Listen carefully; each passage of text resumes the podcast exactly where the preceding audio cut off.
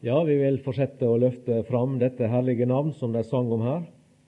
Jesu navnet, og som også gikk fram i teksten i sangen, at Han er for oss alt det vi trenger i livet, i døden og i den evige verden. Og Jeg skal lese i kveld fra Hebreabrevet, første kapittel, og vi skal lese de fire første versene.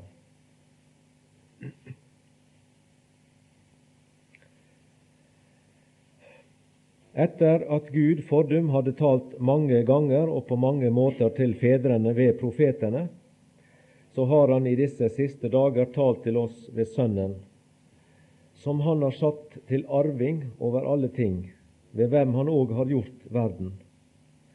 Han som er avglansen av Hans herlighet og avbildet av Hans vesen, og bærer alle ting ved sin krafts ord og som derfor, da han hadde gjort renselse for våre synder, satte seg ved majestetens høyre hånd i det høye, og er blitt så meget større enn englene, som han har arvet et herligere navn fremfor dem.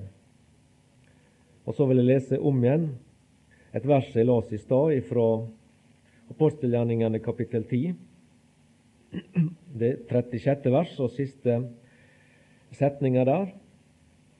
Det hører passer godt inn i det vi las her fra Hebreabrevet 1, der det står at uh,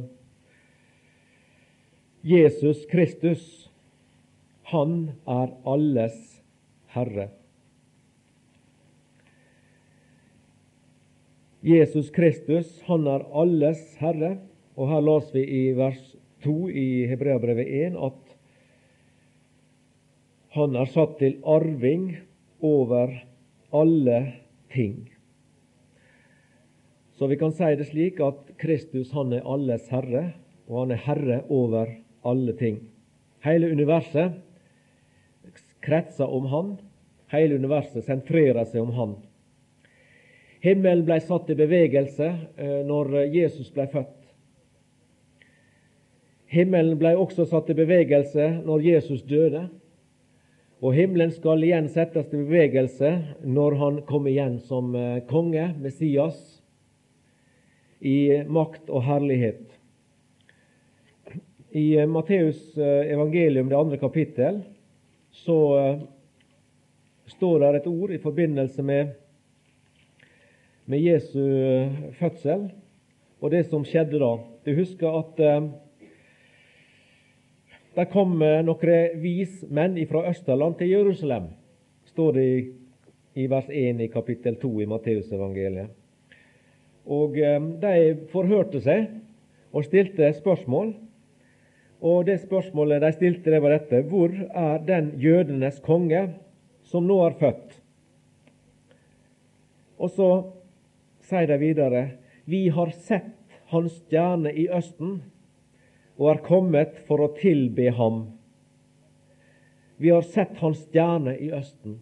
Det er liksom at det, i forbindelse med Jesu fødsel så dukker det opp på stjernehimmelen et himmellegeme som de ikke hadde vært oppmerksom før, og som de tolka som stjerna til en konge som nå var født. Og Denne stjerna den leder dem til Jerusalem og til å stille spørsmål hvor er denne jødekongen som nå er født. Vi har sett hans stjerne i Østen og er kommet for å tilbe ham. Det var da Jesus ble født. Hvis vi går til Lukas evangeliet, det 23. kapittel, i forbindelse med Golgata-dramaet, så leser vi der at uh, da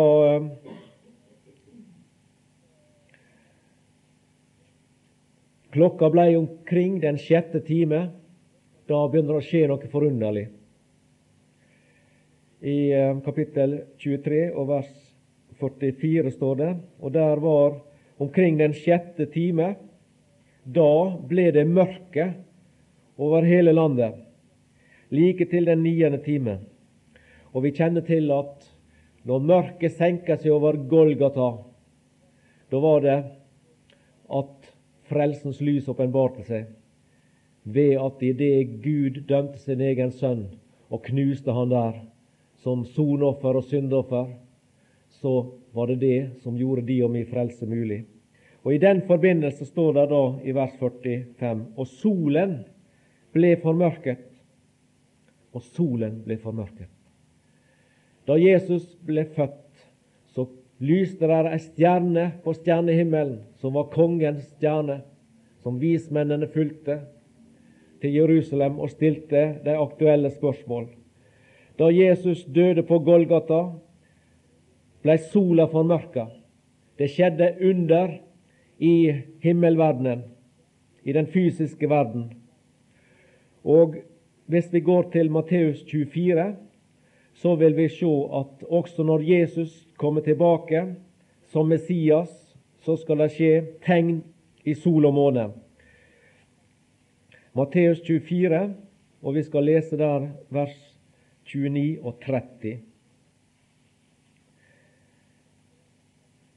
Men straks etter de dagers trengsel skal solen bli formørket, og månen ikke gi sitt skinn, og stjernene skal falle ned fra himmelen, og himmelens krefter skal rokkes. Og da skal menneskesønnens tegn vise seg på himmelen, og da skal alle jordens slekter jamre seg, og de skal se menneskesønnen komme i himmelens skyer med kraft og megen herlighet. Det dette vitner for meg, det er nettopp det som vi las her, at Kristus han er herre over alle ting. Alt er han underlagt, og han er sentrum i universet. I den skapte verden, i det skapte univers, står, står han fram, ikke bare herre over levende og døde, men også herre over det univers som han var med å skape. Ved hvem står det i vers 2, han, altså Gud, òg har gjort verden. Og slik så er han senter i det hele. Det er han som en gang skapte himmel og jord. Og det er han det står om som en gang skal gjøre alle ting nye. Men det som er så trist, det er at de som lever i verden i dag som verdens mennesker, og det gjorde gjerne vi også, alle mennesker som har levd ute i, i åpenbar synd og i åpenbar vantro imot Gud, de har opplevd dette. At eh, de vil ikke tro til ei tid. De vil ikke ta imot evangeliet. De nekter å tro på den Herre Jesus. De vendte han ryggen. De vil ikke akseptere at Jesus døde for dem. Eller det kan også være slik som vi vet det er enda i dag i 1993, at det er mange mennesker som aldri har hørt Jesu navnet, som aldri kjenner til evangeliets lys, som aldri har kunnskap om Han som kom for å frelse syndere. Men de som har hørt, og de som, de som kjenner det i teorien, de har vendt Gud ryggen. De vil ikke akseptere dette at Jesus han er, han er herre over alle ting, og at han styrer alt som her står, ved sin makts ord. Han bærer alle ting ved sin krafts ord, men det gjør han. Eh, det står i Negro Spiritual at, eh, om Jesus at han har den hele, vide verden i sin hånd. Han er universets skaper. Han er universets opprettholder. Han holder det hele i sin hånd. Men det vil ikke verdens mennesker akseptere. Og uten at vi aksepterer Han som den Han er, så forblir vi å være i mørket. Så forblir vi å være ufrelst. Men jeg vil også si det fordi at det, Jeg var på, et, på noe møte her for, uh, i forrige uke, på Ellingsøya. Og da var han som leda møtet, han fortalte i et åpningsord han hadde, at han hadde levd i barnetrua hjemme hos far og mor og trodde på Jesus og gikk på bedehuset og på søndagsskolen og på YA til han var 13-14 år gammel. Da opplevde han det at eh, det ble vekkelse i bygda, og mange ble frelst. Og da skjedde det noe som var både godt og gale, for å si det på den måten. Det var godt at folk ble frelst, det er det jo selvfølgelig. Men det som var litt trist for han, da, det var at eh, når disse folka sto opp og vitna, og vitna om det som hadde hendt i livet deres, og skildra da at de hadde levd ute i synda, og nå var de blitt frelst, og de takka Gud for det, så blei det en det blei noe inni hans hjerte som eh, begynte å røre på seg.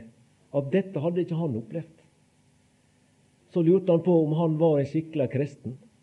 Fordi han hadde alltid levd hjemme med foreldre og trodde på Jesus. Men han hadde ikke vært ute i verden slik som disse herre. Og det endte med at han mistet frimodigheten sin som en ung kristen. Og han slutta å gå på møte og levde i ingenmannsland og i den tørre ørkentilstand i flere år før at et evangelieord, når han var kanskje 18-19 år gammel, løste han ifra dette. Og Det vil jeg nevne til dere ungdommer som kanskje er i den samme situasjon, at du har levd i trua på Jesus så langt tilbake du kan huske, og ikke kan si det at du har levd ute i verden og derfor ikke har dette markerte overgangen fra mørket til lyset som mange kan vitne om. Du er den heldigste i den sammenheng, som aldri har vært ute i syndelivet. Det skal du glede deg over, og det skal du takke Gud for. For det er et større under i et menneskets liv at Gud klarer å bevare mennesket fra det barnet gjennom et langt liv inn i det himmelske Fars hus enn det under som skjer at han i siste liten redder stumpene av et menneskeliv på slutten, som synderen på korset, han som døde der, men gikk inn i paradis, evig frelst. Men han hadde hatt et liv for, foran seg tidligere. Det var bortkasta. Det var et syndig liv uten Gud i denne verden. Du får leve livet er langt enn kort i samfunn og fellesskap med den evige Gud med den Herre Jesus Kristus, Sønnen, ved hvem Gud har talt til oss, som vi har vært inne på. Og så får du oppleve Guds makt i bevarelsen, kanskje i mange, mange, mange, mange år. Du er det heldigste mennesket på jord. Han har den hele vide verden i sin hånd. Men de som lever ute i synder, de vil ikke.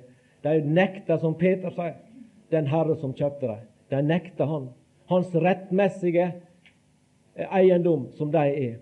For han har i en forstand frelst alle mennesker gjennom Golgata-verket, men det er ikke alle som aksepterer han som Herre og Frelser i sitt liv.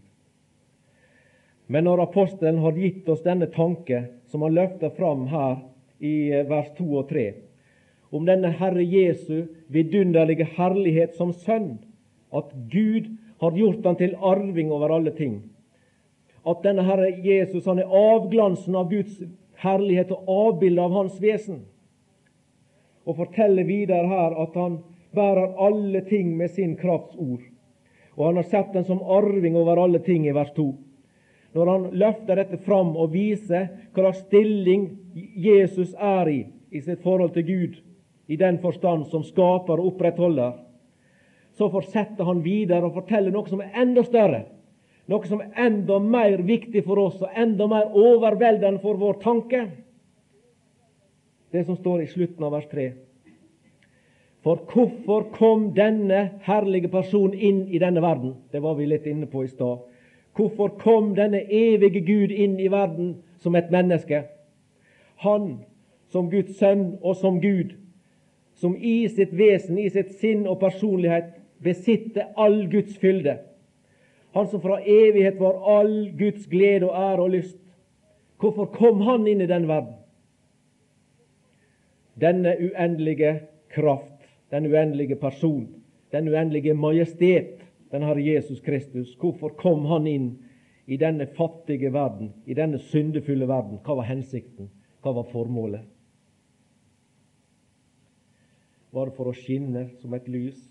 Ja, det også, men på en bestemt måte. Var det for å vise fram sin allmakt? Var det for å vise seg som majesteten? Var det for å vise seg som kongen? Nei, ikke først og fremst det. Vi veit de ville gjøre han til konge, men han unngikk det og veik tilbake. De kasta palmegreiner foran og ropte Hosianna, men det var ikke en person i det romerske, eh, blant de romerske lederne i Jerusalem som på palmesøndag så på Jesus som noen trussel imot det romerske herreveldet. Og når folket, når de sporer 'Hvem er han?', så ble ikke det svart 'Han er Messias, kongen'. Nei, det ble ikke svart det. Da de bretta palmegreiner foran Jesus og de ropte Hosianna. Nei, de sa 'Det er profeten, det er Jesus fra Nasaret'. De anerkjente ikke han som konge på den dagen. Nei, det var ikke derfor han kom. Det var ikke i den hensikt han kom. Det var ikke for å regjere med rettferdighet og med makt og med myndighet han kom. Han kom for å gjøre renselse, står det. Det var det som var hans hensikt. At da han hadde gjort renselse for våre synder, satte han seg ved majestetens høyre i det høye. Det var derfor han kom inn i denne verden. For å rense oss fra våre synder. Med andre ord, det var vår synd som brakte den Herre Jesus ned til vår jord. Det var vår besmittelse av synd som drog ham ned ifra der han bodde i den evige verden, som drog ham ned ifra hans herlighetshøyde. Det er den sannhet vi finner åpenbart her i vers 3. At Han som er avglansen av Hans herlighet og avbildet av Guds vesen, og bærer alle ting ved sin krafts ord, denne mektige, denne allmektige, denne svære person, han går inn i denne verden med den hensikt og det formål å bringe frelse, forsoning, inn for synderen og gjøre renselse for våre synder var derfor han kom. Det var for synders skyld han kom. Og vil stanse litt med dette med synd, og prøve å, å igjen å minne oss om hvor alvorlig det er med synd. At synder det er noe forferdelighet. Ja, vi kan si det som en, en, en, en sa det. Tar Gud lett på synd? Tror du Gud tar lett på synd? Se på Golgata. Der ser du hvor lett Gud tok på synda. Han tok ikke lett på synda. Det vet vi. Jeg vil nevne tre ting om synda. Synda kan på en måte sees på som en overtredelse av Guds gode og rettferdige og heldige vilje. At Gud han setter grenser for våre liv som mennesker, som sin skapning. Så setter han grenser, og så sier han at går du over disse grensene, passerer disse grensene, så overtrår du det som jeg har satt som det som er sunt og godt og rett i det å leve som menneske. Og trår du over min vilje, trår du over det som jeg har sett som grense, så bryter du disse grensene, og du gjør det som blir kalt for overtredelse. Og overtredelser, de krever straff. Overtredelser av Guds hellige vilje fortjener straff og Guds forbannelse. Men det er ikke det verste med synd, at synd kan sees på som overtredelse av Guds hellige vilje. Det er ikke det verste. Det som er verre, det er at synder kan, vi kan se på synder, bruke et bilde, at den er som en sykdom. En sykdom til døden. En sykdom som fører oss inn i døden hvis ikke vi blir helbreda. Og den sykdommen er sånn at den må helbredes, ikke av oss sjøle. Vi kan ikke helbrede oss i denne sammenhengen. Det må skje ved at en eller annen griper inn og helbreder oss for en sykdom. Syndesykdommen i våre liv. Men det syns jeg heller ikke er det verste når det gjelder synd. For vi vet at vi kan være syke, og også en alvorlig sykdom. Og mange lever jo også med livstruende sykdommer som har døden til følge, men de kan leve lenge. Og slik beskriver ikke Bibelen menneskets forhold til synd. Det blir jo sagt i Efeserbrevet at vi som naturlige, ufrelste mennesker så er vi døde i synd overtredelse. Så det som jeg syns er den djupeste, alvorligste måte å se på synd med på, det er å se på synda akkurat slik som hvis du har en bolle med vann. Du har en bolle med vann oppi, og så slår du gift oppi det vannet. Da vil ikke bare en liten del av vannet bli giftig. Da vil ikke akkurat et lite område der du akkurat slår ned i, bli giftig, og resten av vannet sunt. Da vil hele vannet bli giftig. Og det er det som Bibelen sier om oss mennesker som syndere. Vi er blitt besmitta av synd. Når, når synda kom inn i verden ved det første mennesket og fallet, så besmitter det vår natur, slik at hele menneskets natur, fra ytterst til innerste trevl, er besmittet av synd. Ingen del av mennesket er uten synd. Ingen del av mennesket er mindre syndig enn andre deler. Vi er besmitta, og det er gått helt inn i, som det Nordsletten som sier det, fra hode til fot. Hjertets innerste rot. En eneste besmittelse av synd. Og så kommer spørsmålet hvordan kan da et menneske som slik er gjennomtrengt og besmitta av synd, hvordan kan et menneske komme seg til livets kilde, til kjærlighetens kilde, til den makt som kan ordne opp i dette? Hvordan skal det gå an? Og svaret er det er umulig. Det er totalt umulig i egen kraft. Vi er hjelpeløse. Vi er besmitta og totalt ureine som synd. Og denne synda, den skiller oss fra Gud. Profeten han sier det. Det er misgjerningene deres som har skilt dere ifra Gud, som gir skilsmisse imellom dere og Gud. Det er et svelg imellom Gud og menneske så stort at ingen kan trå over dette svelg. Ingen kan komme fra Guds side over til menneskets side, og omvendt, som jeg så skal si, slik som det ble sagt i forbindelse med den rike mannen og Lasarus. Her er et svelg mellom oss Abraham sa ingen kan komme over fra oss til dere, og ingen fra dere til oss.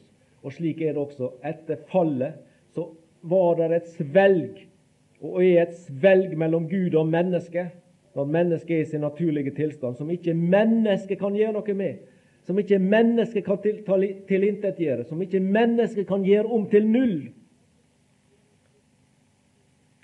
Og fordi at det ikke kan gjøres av mennesket, så er det bare ei løsning på det, og det er at en eller annen må gjøre det.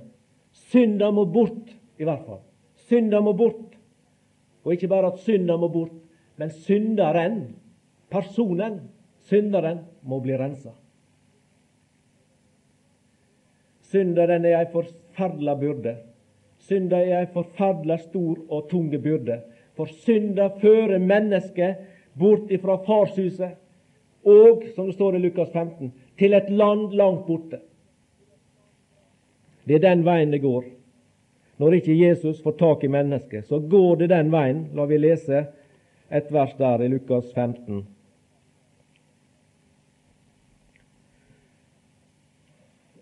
I vers 13 står det Og ikke mange dager deretter samlet den yngste sønnen alt sitt og drog til et land langt borte. Og der øtte han sin eiendom i et ryggesløst levned. Han tok alt sitt og drog til et land langt borte. Og det er et bilde på hva synda gjør med et menneske.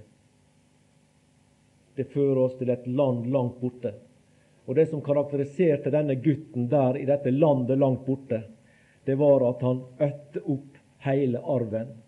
Og til slutt står det om han kort og trist og dramatisk. Han var i nød. Han var i nød. Et menneske som lever borti fra den Herre Jesus, er i konstant nød. Selv om han ikke erkjenner det, så er han i nød. Nød for sitt liv, nød for sin sjel. Det som det som var bra for denne karen, det var at han Det står at han kom til seg sjøl, og at han sa 'jeg vil stå opp og gå hjem'. Han fikk tanker om farshuset. Gud, Faderen, kanskje. Det kom minnelser. Og slik er det med oss også. Gud gjennom ordet, forkynnelsen, gjennom Helligånds gjerning, så kaller han mennesket så kommer det minnelser i tanken, i sinnet. Det kan være mange ting som fører til dette, men så får de tanker om farshuset. Så vekker Gud en lengsel. En lengsel tilbake til far. Og med en gang så var far der. Han tok han imot med glede og takknemlighet og fikk han tilbake som en død hadde kommet til livet igjen, som vi veit. Men det fører folk langt bort. Og det behøver ikke om å være det behøver ikke om å være langt bort i jeg tenker på i, i sånn livsførsel og sånt. Det er jo masse mennesker som også går langt bort i det vi kaller verden, i måten å leve på. At de øsler sin person og sine krefter ved at de blir dratt ut i et ryggesløst liv. Men det er mange moralsk verdige mennesker, moralsk opplyste mennesker, som lever et for oss og tilsynelatende plettfritt liv i denne verden. Men de er like langt borte, de, fordi at de er borte fra Gud. Sinnet deres er borte fra Gud. De må like mye frelses, de, som den som vi tror er mest fortapt. Og så fører dette til at eh, det oppstår og det vokser fram i hjertet en motstand imot Herren, en motvilje. Ja, mange uttrykker direkte hat imot Jesus Kristus og imot evangeliet. Det kjenner vi til.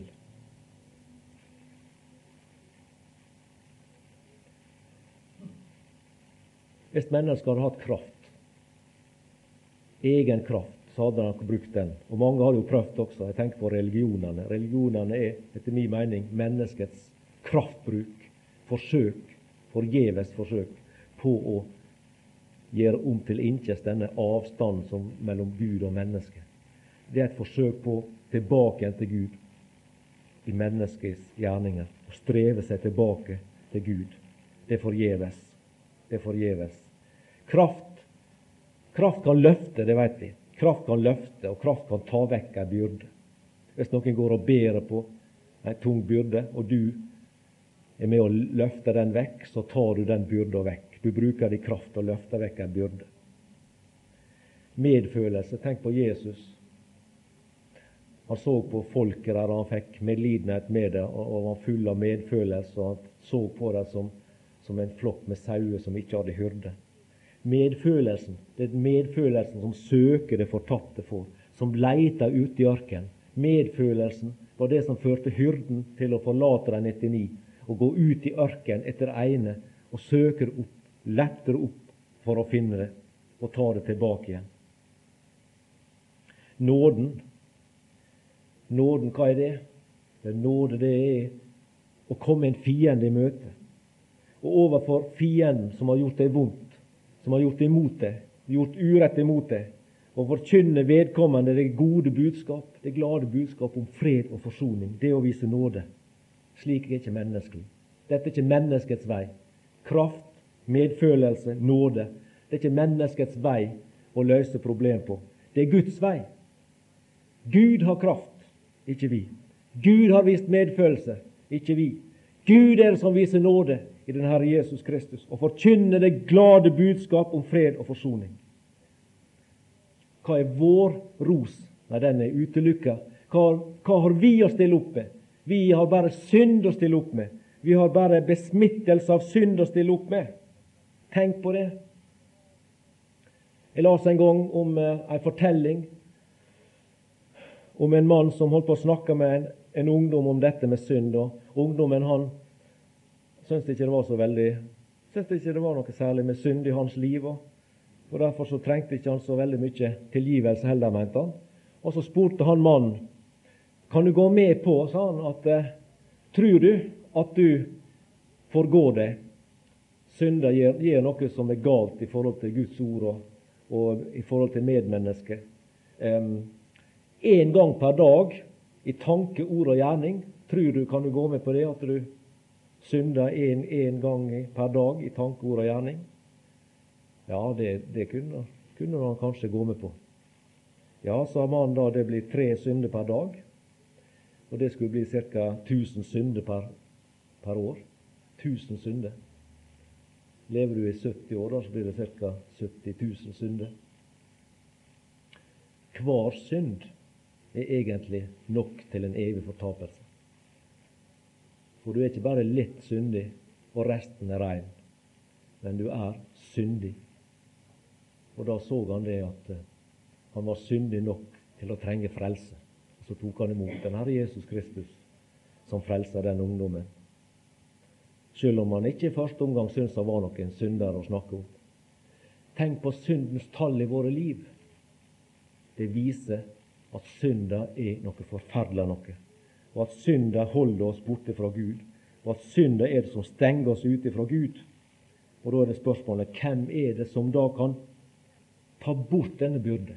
Hvem er det som kan løfte denne byrde fra oss? For vi er tynga ned av synd, og tynga ned av skyld og tynga ned av skam, som fortapte syndere i oss sjøl. Hvem har den kraft som er nødvendig, og den vilje som skal til til å gjøre det? Hvem er det som vil røre ved spedalskheita i våre liv? Hvem er det som kan ta synda bort? Hvem er det som kan rense synderen og gjøre han som ordet sier og sangen sier, rein og rettferdig himmelen verdig? Det er én person. Det er han som vi er samla om. Det er han den eneste, den Herre Jesus Kristus. Han er det som kom for å gjøre renselse for våre synder. Og det gjorde han på en vidunderlig måte. Vi skal gå til Hebreabrevet 9 og det tolvte vers. Og Det ene året gikk etter andre, og det ene offer etterfulgte andre. Men det som var felles for disse, det var at de bar med seg offer inn, og de bar med seg offerblod inn i helligdommen og ofra for seg og folkets synder. Men de bar med seg noe som ikke var deres eget. De bar med seg noe som var utenom dem sjøl, og ofra. De bare formidla dette som ei tjeneste som var innsatt av Gud. Men når den Herre Jesus Kristus kom, så står det i vers 12.: Og ikke med blod av bukker og kalver, men med sitt eget blod. Det var med hans eget blod. Ikke ofre andres liv, som de gjorde prestene i Gamle testamentet. De gikk inn og ofra andres liv, og ofra andres blod som offer for synd. Men når han kom, så gikk han inn i helligdommen med sitt eget blod. Og den hadde den kraft i seg at det rensa syndene hvit som snø. Det er det som er evangeliet. Han gikk inn med sitt eget blod og fant en evig forløsning som kommer synderen til gode. Han kunne ikke i den evige verden utholde tanken på at du og jeg skulle gå fortapt. Som en sanger beskriver det så fint. Det var han svært å tenke på at verden skulle undergå. Det skar ham i hans hjerte. Og så tok han en tjeners skikkelse på seg og kom i menneskers lignelse og fornedra seg sjøl i denne verden, som ordet forteller. Og da han i sin ferd var funnet som et menneske, så fornedra han seg sjøl og var lydig inntil døden, ja, korsets død. Det var det Jesus gjorde. Han kom for å gjøre renselse for våre synder. Det var vår redning. Det var det som gjør det mulig at en synder kan komme i fellesskap og samfunn med den evige Gud på tross av fallet. Der kom en person fra den himmelske høyde ned til denne verden, og så gjorde han det som var nødvendig, slik at han i dag kan på en måte gå over denne avgrunnen og hente synderen der han er, og bringe han over på Guds side, inn i Guds livet, inn i Guds samfunnet, inn i Guds rike. Det er det som skjer når et menneske blir frelst.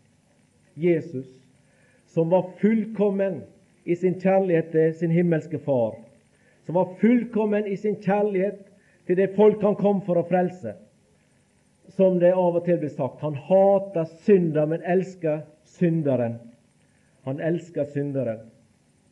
Så har Gud elsket verden at han ga sin sønn den enbårne. Det er Guds kjærlighetserklæring til oss, det som skjedde på Golgata, når han ofra sin egen sønn. For så har Gud elsket verden. Han stiller han ut og sier, se der, der ser du min kjærlighet til verden. Der viser jeg det på den mest fullkomne og dramatiske måte ved å gi Jesus Kristus i døden for oss. Han kom aleine inn i denne verden, inn i vår syndens jord. Og så som vår stedfortreder og vår syndebærer, så opplever han. Han som i sitt jordeliv ved flere tilfeller fikk høre denne stemme som kom ifra det høye. Og der kom ei stemme, der hørtes ei røst ifra himmelen som sa:" Dette er min sønn den elskede, i hvem jeg har velbehag. Det ble sagt flere ganger. Dette er min sønn den elskede, i hvem jeg har velbehag. Og der på Golgata så opplever denne sønn, som levde sitt jordeliv under Guds velbehag, og som i den forgangne evighet hadde levd i Guds velbehag, han opplever der på Golgata at far snur sitt ansikt vekk, og så må han si 'Min Gud, min Gud, hvorfor har du forlatt meg?'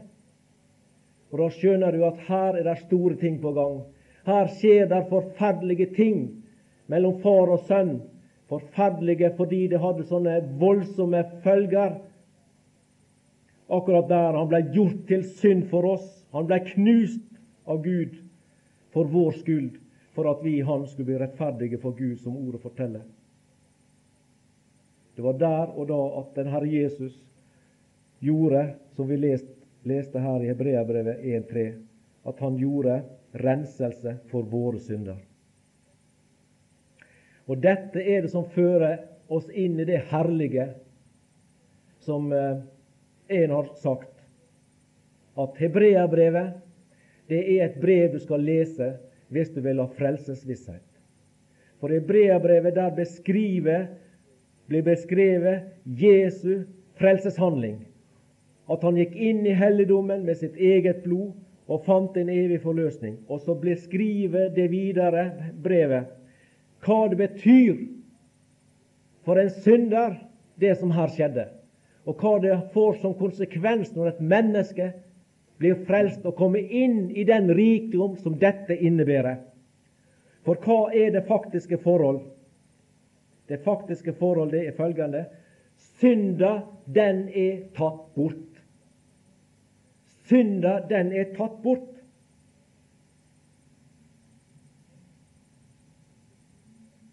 Den skal ikke bekymre oss lenger i den forstand. Synda fordømmer ikke oss lenger, for synda den er tatt bort. Synda er sona, gjelden er betalt. Vi er rensa i lammets blod. Gud ser ikke oss som syndere.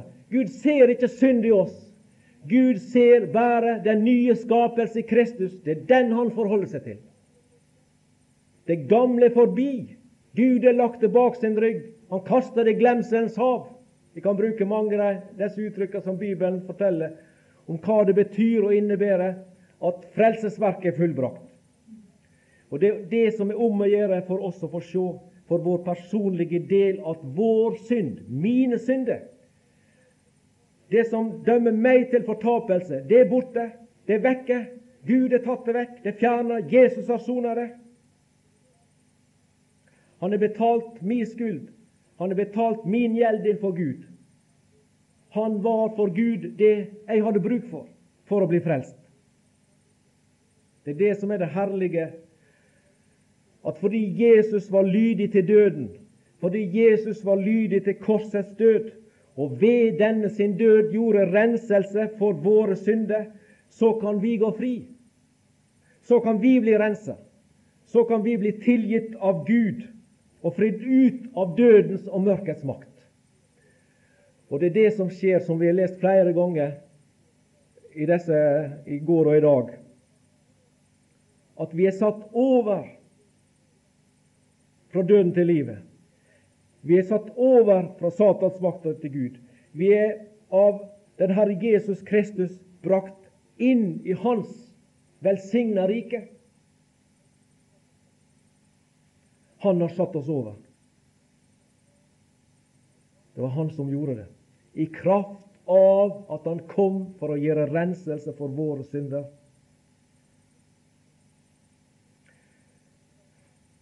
Kolossenserbrevet 1.13, som dette ordet er henta fra. Det er jo det som gjør at Paulus her bryter ut i vers 12 at så vi med glede kan takke Far det er gledesgrunn i å se seg frelst i den Herre Jesus og vite at synda er sona, gjelden er betalt, Gud har lagt det bak seg. Er blitt frelst, er blitt gjenfødt til et levende håp ved Jesu Kristi oppstandelse fra de døde. Og som Guds barn så er det i den sammenheng Gud er interessert i meg. Gud ser meg som sitt barn, og da er det oppdragelsen av sitt barn han er interessert i. Og det er noe helt annet enn å leve i frykt for å gå evig fortapt fordi det skulle være noe i meg som skulle føre til det. Og det er der ikke. For synda er borte, gjelden er betalt, Gud er ferdig med den sida.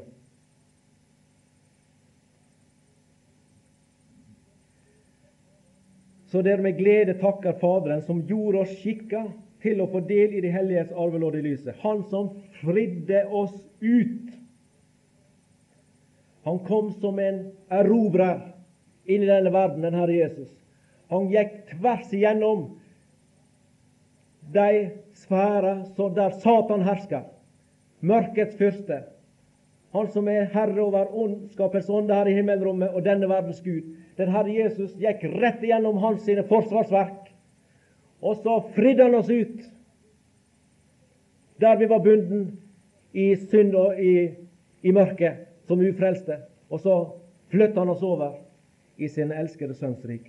I hvem vi har forløsningen, syndenes forlatelse. Det er grunn til å glede seg som et frelst menneske i å få hvile i det fullbrakte verk og vite at synda er sona, gjelden er blitt talt. Jesus har gjort renselse. Det skal ikke gjøres om igjen. Det skal ikke gjøres om igjen. Det er gjort. Det er fullført.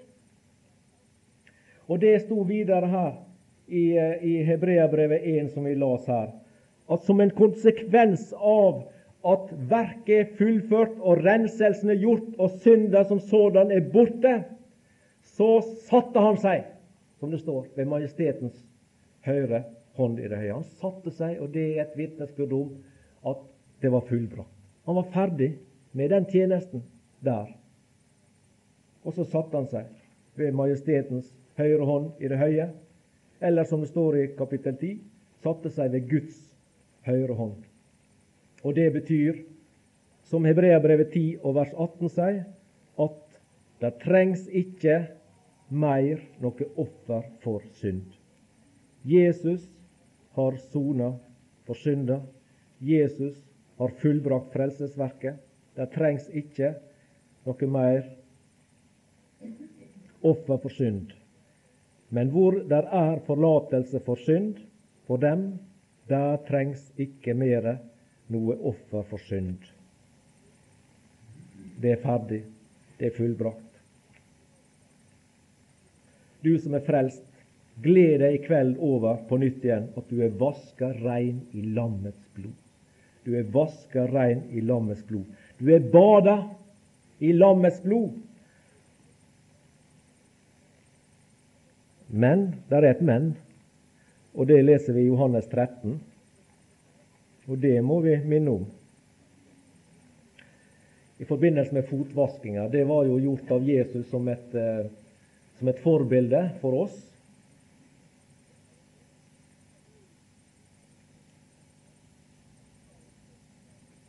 Men så sier Jesus der i, i vers 10 da, i Johannes 13 Jesus sier til ham Den som er badet, trenger ikke til å vaske annet enn føttene, men er ren over det hele. Vi er bada. Vi er rensa i lammets blod. Så den sida av saken er grei. Men så trenger vi å rense føttene. Og det er et vitnesbyrd til meg om og et bilde på min daglige ferd som troende i denne verden. Vandringa. Føttene er jo et uttrykk for at vi bruker dem til å vandre, til å gå. Og under vandringa under vår daglige ferd der vi er som troende i hverdag, i fritid og i arbeid, i helg og i yrke, så støter vi på ting, så opplever vi ting som fører til fall og til nederlag. Og det er noe som det trengs å vaskes. Men vi er reine, vi er bada. Så den sida er i orden. Men ifra de daglige fall og nederlag på troens vei, så trenger vi å bli rensa. Hvis vi bekjenner våre synder, så er Han trofast og rettferdig og forlater oss syndene, og Jesu, Hans Sønns blod, renser fra all synd.